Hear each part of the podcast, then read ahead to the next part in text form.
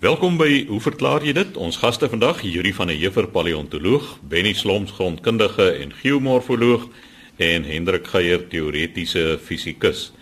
Yuri, jy's eerste aan die beurt en jy sit hier met 'n boek wat onlangs verskyn het oor mensevolusie.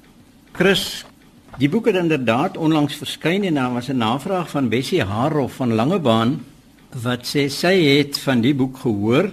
Die boek se naam is Darwin's Hunch en uh, dit is geskryf deur 'n dame met die naam van Christa Cooljan. Sy is 'n uh, oud student van die Amerikaanse paleontoloog Stephen Gould, maar sy is tans aan die Universiteit van Witwatersrand verbonde en haar belangstelling handel oor die geskiedenis van die wetenskap. En wat sy gedoen het is sy het 'n boek geskryf oor die hele mens kan amper sê sosiale geskiedenis van die ontdekking van oormense en hoe dit eintlik uitgespeel het hier in Suid-Afrika. En hoekom sy die boek Darwin's Hans genoem het is dat toe Darwin sy groot werk gepubliseer het in 1859 en daarna nog boeke, een veral oor die mens, het hy vanweë sy kontak met die Britse museum en die tye wat hy daar deurgebring het om primate en veral sjimpansees dop te hou, onder die indruk gekom dat ons voorsate sal uiteindelik in Afrika gevind word. Dit was 'n direkte teenstelling met wat destyds geglo is want toe is daar al reeds fossiele van oormense in die ooste gekry, die sogenaamde Peking mens. En al die vooraanstaande paleoantropoloë het gedink dat die fondse van ons voorsate sal uit die ooste uitkom. Net Darwin het gedink dit sal in Afrika gebeur en die uiteinde van die storie natuurlik is dat hy reg was. Hy kon dit nie bewys nie. Hy uh, het bloot so gedink en daarom die naam Darwin's hunch. Nou wat sy gedoen het is dat sy nie so seer konsentreer op die navorsingsbevindinge per se nie, maar sy het die geskiedenis geskryf van hoe dit in Suid-Afrika verloop het met oormense en oormens evolusie en die aanvaarding van die resultate van hierdie navorsing want gesien in die tyd wat dit gebeur het sedert um, 1925 toe daar die eerste Australopithecus africanus ontdek het die sogenaamde Tahunkind was daar godsdienstige en politieke teenstand teen hierdie tussenvorm en daar was ook teenstand uit die buiteland uit want daar se leermeesters het eh, basies die opinie gehad dat wat doen hierdie student van ons nou daar in Afrika? Wat weet hy nou? So sy dokumenteer al hierdie verhale en die stories daar agter. Sy haal weer die pull down verneekspil uit die kas uit wat groot probleme veroorsaak het veral in Brittanje want sekere van die Britse antropoloë wou gehad het dat die eerste moderne mens moet 'n Engelsman wees. En uiteindelik is dit hoogs waarskynlik dat Tyler de Chardin die poetsbakker gewees het in die saak, maar dit is toe uiteindelik onthul. Sy noem feitelik al die mense wat betrokke gewees het. Raymond Dart, Philip Tobias, Robert Broom, Bob Bruin en dan in die latere tye Ron Clark en Lee Burger en sy skroom nie om die twiste wat ontstaan het tussen hierdie mense ook toe te lig nie. So dis baie interessante leesstof in die sin as 'n sosiale kommentaar. Byvoorbeeld die probleem met Ron Clark en Lee Burger, Ron Clark wat uiteindelik deur die universiteit afgedank is en toe onthul hy dat hy hierdie baie belangrike fossiel ontdek het, die sogenaamde Littlefoot wat hy besig is om aan te werk, dit kon hom nie ontslaan nie en al die krapperigheid daaromheen skroom sy nie om te vertel nie, maar sy bly nie net daarby nie. Die boek het ook sosiale kommentaar want in die tyd wat byvoorbeeld Robert Broom geleef het, net soos mede paleontoloog en paleoantropoloog van daai tyd in ander dele van die wêreld was daar 'n sekere argwaan oor die Britse westerse beskawing teenoor ander bevolkings in die wêreld en uh, Broom het byvoorbeeld versamelings geraamtes van die san van Moesmans gemaak oral waar hy gehoor het dat daar 'n uh, Boesman gesterf het of waar daar Boesman grafte gewees het, het hy doodgewoon gaan opgrawe. Hy was ek dink in in Douglas vir 'n tyd gewees as 'n mediese dokter en uiteindelik dink ek was hy ook die burgemeester van Douglas. So hy kon waar daar san begraafplekke gewees het, het hy doodgewone geraamtes gaan opgrawe, dit bestudeer of daarvan na die buiteland toe gestuur. Waar hy lyke kon bekom en hy moes 'n wonderlike vrou gehad het. Is die lyke in die tuin begrawe vir 'n tyd sodat die vleis kan verrot en dan daarna opgegrawe om bestudeer te word en hulle sy vertel 'n baie oulike verhaaltjie dat Jan Smuts eendag vir Broom besoek het. Nou hulle was goeie vriende geweest en Jan Smuts het ook deur sy toedoen gesorg dat Broom later 'n pos kry by die ou Transvaal museum.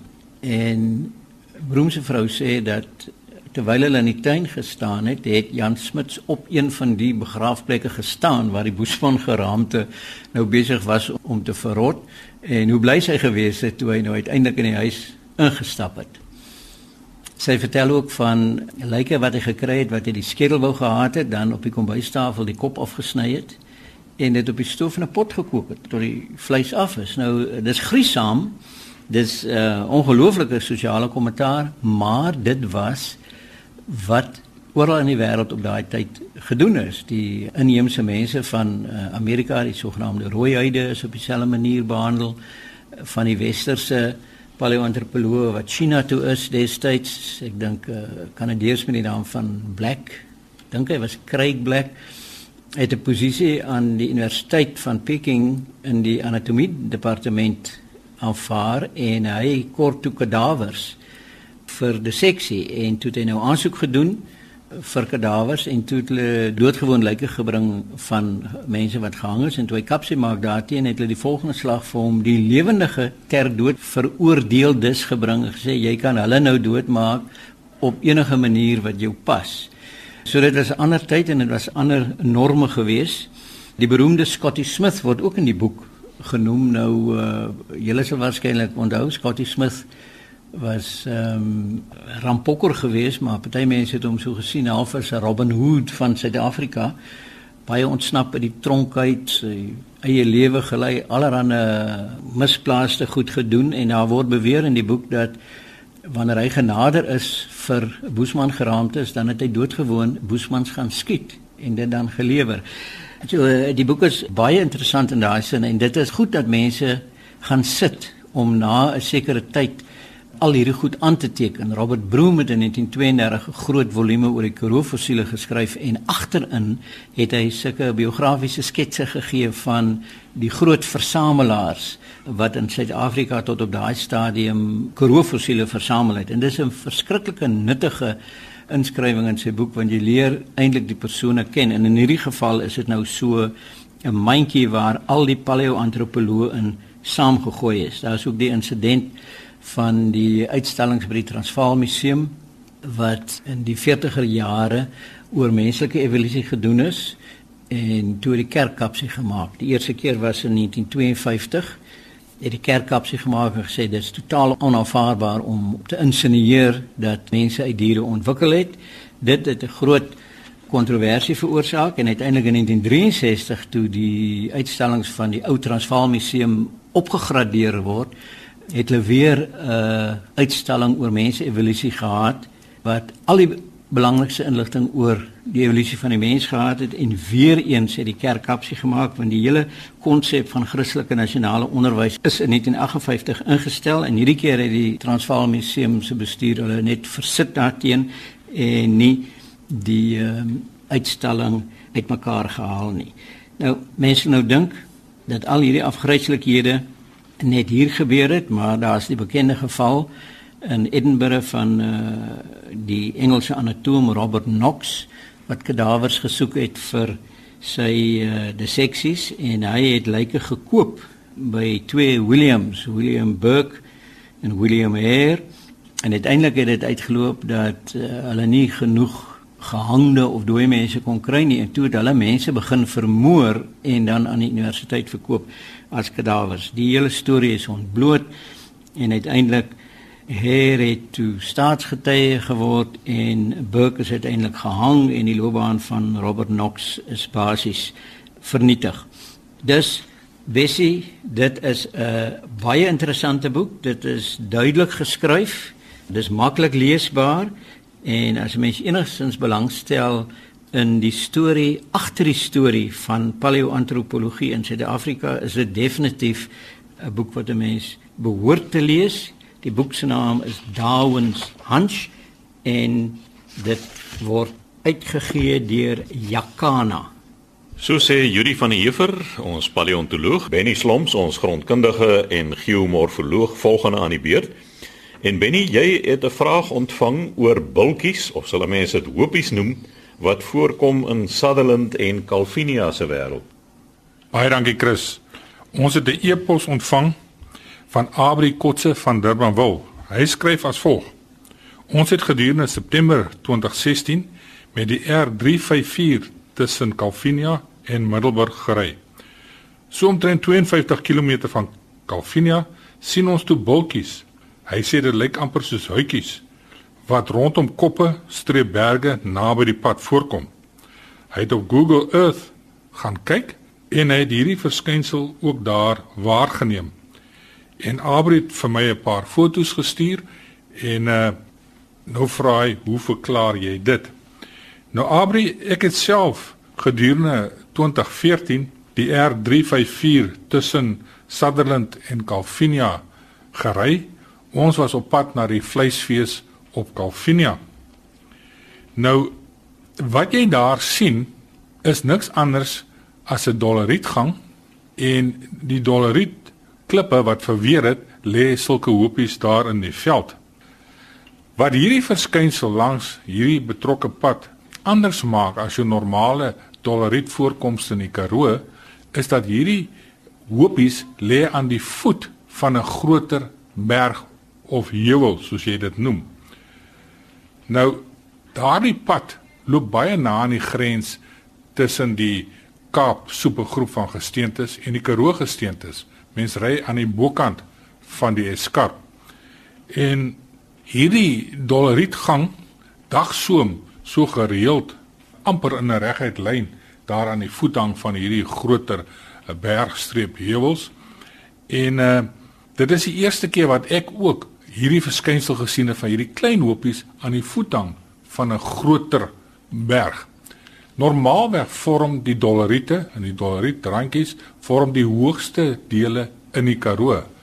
Omdat hy so meer weerstand bied is teen verwering, word die sagter Karoo gesteentes wegverweer en hy bly oor. Nou ehm um, hoekom het hierdie uh, doleriet hierdie voorkoms van stapelrotse Ek het al reeds by verskeie vorige programme verduidelik hoe word stapelrotse gevorm. Kortliks, doleriet is 'n basiese stollingsgesteente wat binne in die aardkors indring, na boontoe beweeg, maar nooit die oppervlakte bereik nie. Daar stol hierdie stollingsgesteentes, medium grootte kristalle word gevorm en dan terwyl hierdie doleriet nog ondergronds is, word hy aan drukkragte blootgestel wat hierdie doleriet nou in nate en krake opbreek. Gewoonlik sulke hoekige vertikale en horisontale krake. Later word die oorliggende gesteentes bo-oor gestroop deur verwering en water beweeg in hierdie nate en krake en jy kry die vorm van hierdie blokke wat so op mekaar gestapel is. Nou ehm um, hoe weet 'n mens of dit doleriet is? As jy nou meer tyd het as wat ons daardie oggend gehad het, onthou ons was op pad vleisfees toe, dan kan jy gaan stilhou en stap na hierdie gesteente. Jy sien, dis eysterklip. Die ou mense het dit eysterklip genoem. As jy hom kap met 'n hamer, dan maak hy so metaalagtige klank wat hy vir jou gee. En die gronde wat ontwikkel vanuit hierdie doleriet is rooi.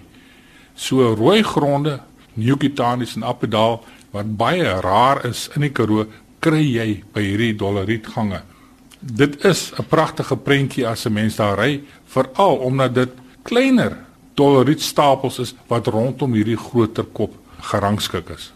As 'n mens nou van Vryseburg af met die Teeklofpas afry en een toe, maar nog bo by skarp aan die Vryseburg kan, dan kry jy pragtige stapels soos wat jy nou van gepraat het, maar van reuse blokke. Die verwering is ook hoekig en dan met sulke ronde hoeke En ek het nou al by Sakirus gehoor. Hy praat van wolsak verwering want die groot rondhoekige klippe lyk nogal so bietjie soos wolsakke. Ja, dit is die geronde vorm van die sye en die hoeke wat jou aan 'n wolsak laat dink, want dit is nie hoekig nie. Maar uh Julie aan die begin toe die nate en krake daar gevorm is as gevolg van die drukkragte was hierdie horisontale en vertikale nate was hoekig geweest mm. maar deur erosie het hulle natuurlik nou al hoe meer en meer gerond geraak en as 'n mens mooi gaan kyk na so stapel rots heuwel of hoop dan sal jy sien aan die onderkant is die rotse relatief groot en raak al hoe kleiner en kleiner soos jy na bo beweeg dis natuurlik jy het meer verwering gehad van die die hoër gedeelte van hierdie dollariet. So sê Benny Sloms, ons grondkundige en geomorfoloog. Volgens aan die woord Hendrik Geier, teoretiese fisikus. En Hendrik, die vraag wat aan jou gerig is, hoe kry vegvliegtuie dit reg om minder sigbaar vir radar te wees? Chris, waarna jy verwys het is deel van 'n vraag wat ons per e-pos van Dani en Johannetjie van Niekerk van Strysbaai af ontvang het.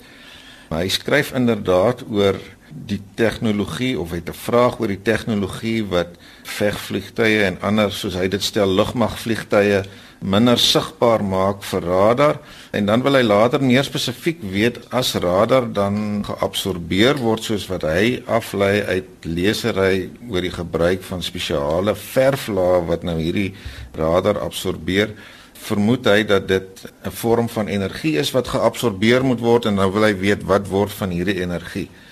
So Chris, kom ons begin uh, van 'n kant af. Uh, hierdie onderwerp breedweg in Engels te maak met wat genoem word stealth technology. Ek kon nie 'n beknopte Afrikaanse vertaling hiervan kry nie. Mens moet maar seker uh, volstaan met beskrywende alternatiewe soos om te praat van radar ontduikende tegnologie of tegnologie wat voorwerpe onopsigtelik vir radar maak. Soos luisteraars waarskynlik weet, is die gebruik van 'n radar 'n tegnologie wat uh, veral in die Tweede Wêreldoorlog deur die Britte tot 'n baie bruikbare metode ontwikkel is om vyandelike vliegtye en skepe se beweging waar te neem en inligting daaromtrent te kry. Radar is terloops 'n afkorting vir die Engelse beskrywing radio detecting and ranging wat dan inderdaad radiogolwe gebruik om die afstand na die rigting van beweging en die snelheid van beweging van voorwerpe soos uh, vliegtye en voorwerpe te bepaal. Daar is deesdae 'n horde van frekwensiebande wat gebruik word vir radar.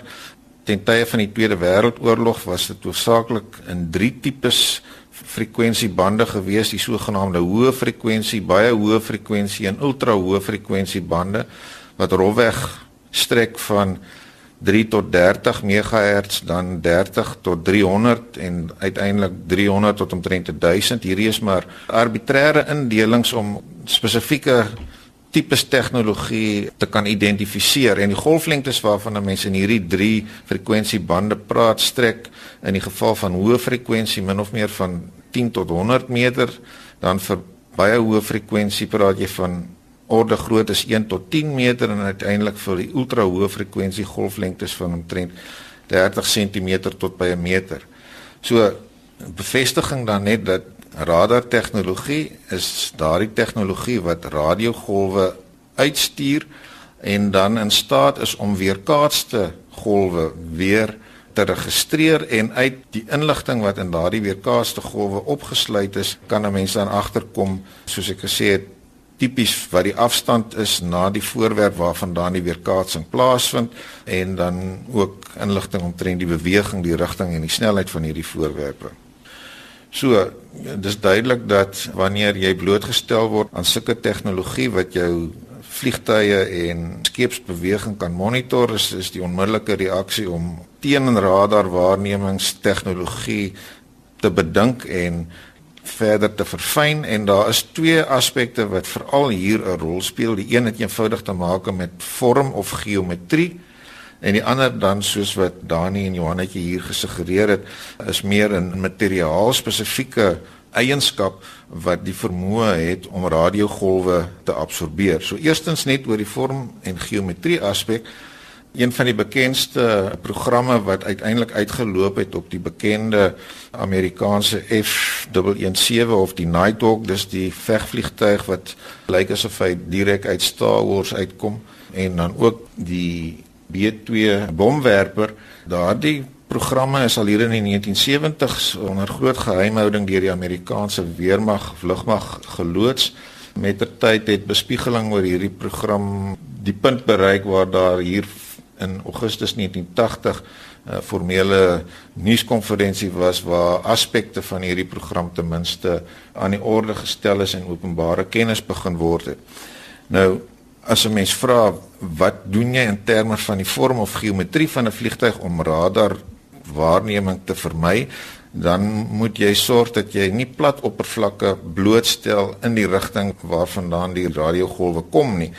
Meer spesifiek is die een aspek wat 'n mens wil vermy enige plat vlakke wat loodreg op mekaar aansluit. En dit is tipies 'n goeie weerkaatser. So as 'n mens nou gaan kyk na die vorm van die stert van die van die FW7 dan is dit net so 'n V-vorm. Daar's geen sprake van die tradisionele loodregte stert van op gewone korter dwarsvlerke nie. En in die geval van die B2 het mense eintlik te maak met 'n vleiende vlerk. Die ding het geen stert nie.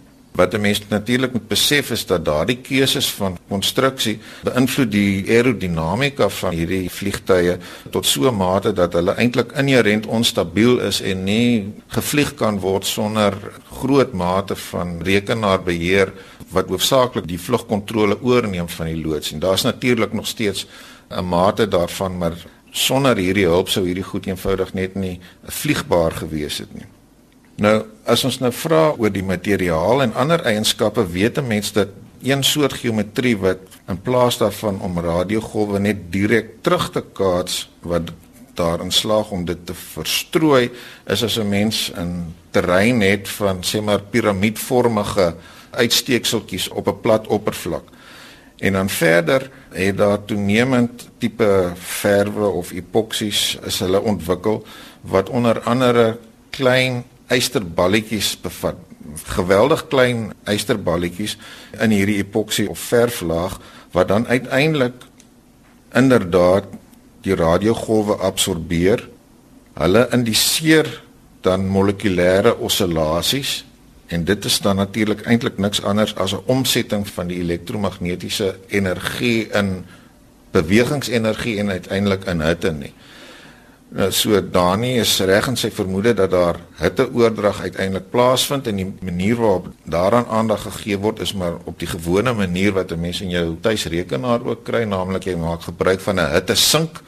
In sy eenvoudigste vorm is dit 'n versameling van metaalvinnetjies wat ry gerangskik is sodat jy die grootste moontlike buiteoppervlak beskikbaar het waaroor jy dan uiteindelik van die hitte ontslae kan raak en in hierdie vliegtye is daar natuurlik verfynde maniere om presies daardie tegnologie in te span. So kortom en dan jou vermoede is reg dat daar uiteindelik sprake is van warmteabsorbering, maar soos ek verduidelik het, is dit nie 'n groot probleem in die hele tegnologie van radarontduikende strukture nie terloops net 'n paar ander interessante brokkies rondom hierdie tegnologie. Chris, een van die bronne wat ek geraadpleeg het, beweer dat die effektiwiteit van hierdie radarontduiking in die B2 bomwerper en die F117 is van so 'n aard dat die oppervlak wat uiteindelik blootgestel word, sou jy kon vergelyk met die van 'n kolibrievoeltjie. Nou ons weet almal 'n kolibrievoeltjie is nie eers 'n duimlengte tipe voeltjie nie, so dit beteken dat dit inderdaad baie effektief is. Terselfdertyd moet 'n mens weet dat hierdie vliegtye natuurlik self ook aangewese is op die gebruik van radar vir navigering en om inligting in te win oor sê maar naderende missiele en dies meer. En die enigste opgetekende geval waar so 'n F117 afgeskiet is, naamlik oor Kosovo in 1999, is die vermoede dat in 'n kort oomblik toe 'n bomluik oopgemaak is om 'n bom neer te laat. In daai oomblik het die vyandelike radar die vliegtyg opgestel en kon 'n missiel dan uiteindelik met daai inligting afgevuur word om hom af te skiet. So daar is bo en behalwe die eie onsigbaarheid ook natuurlik strategieë om daardie kortstondige blootstellings so min as moontlik te maak en hulle ook so goed as moontlik onsigbaar vir radar te maak maar op die ou einde kan 'n mens nie 'n totaal onsigbare voorwerp kry nie maar die tegnologie om dit so klein en min as moontlik te maak is besonder ver ontwikkel. So sê Hendrik Geier, ons teoretiese fisikus, skryf gerus aan ons by hoe verklaar jy dit? Posbus 2551 Kaapstad 8000 of stuur 'n e-pos aan chris@rsg.co.za.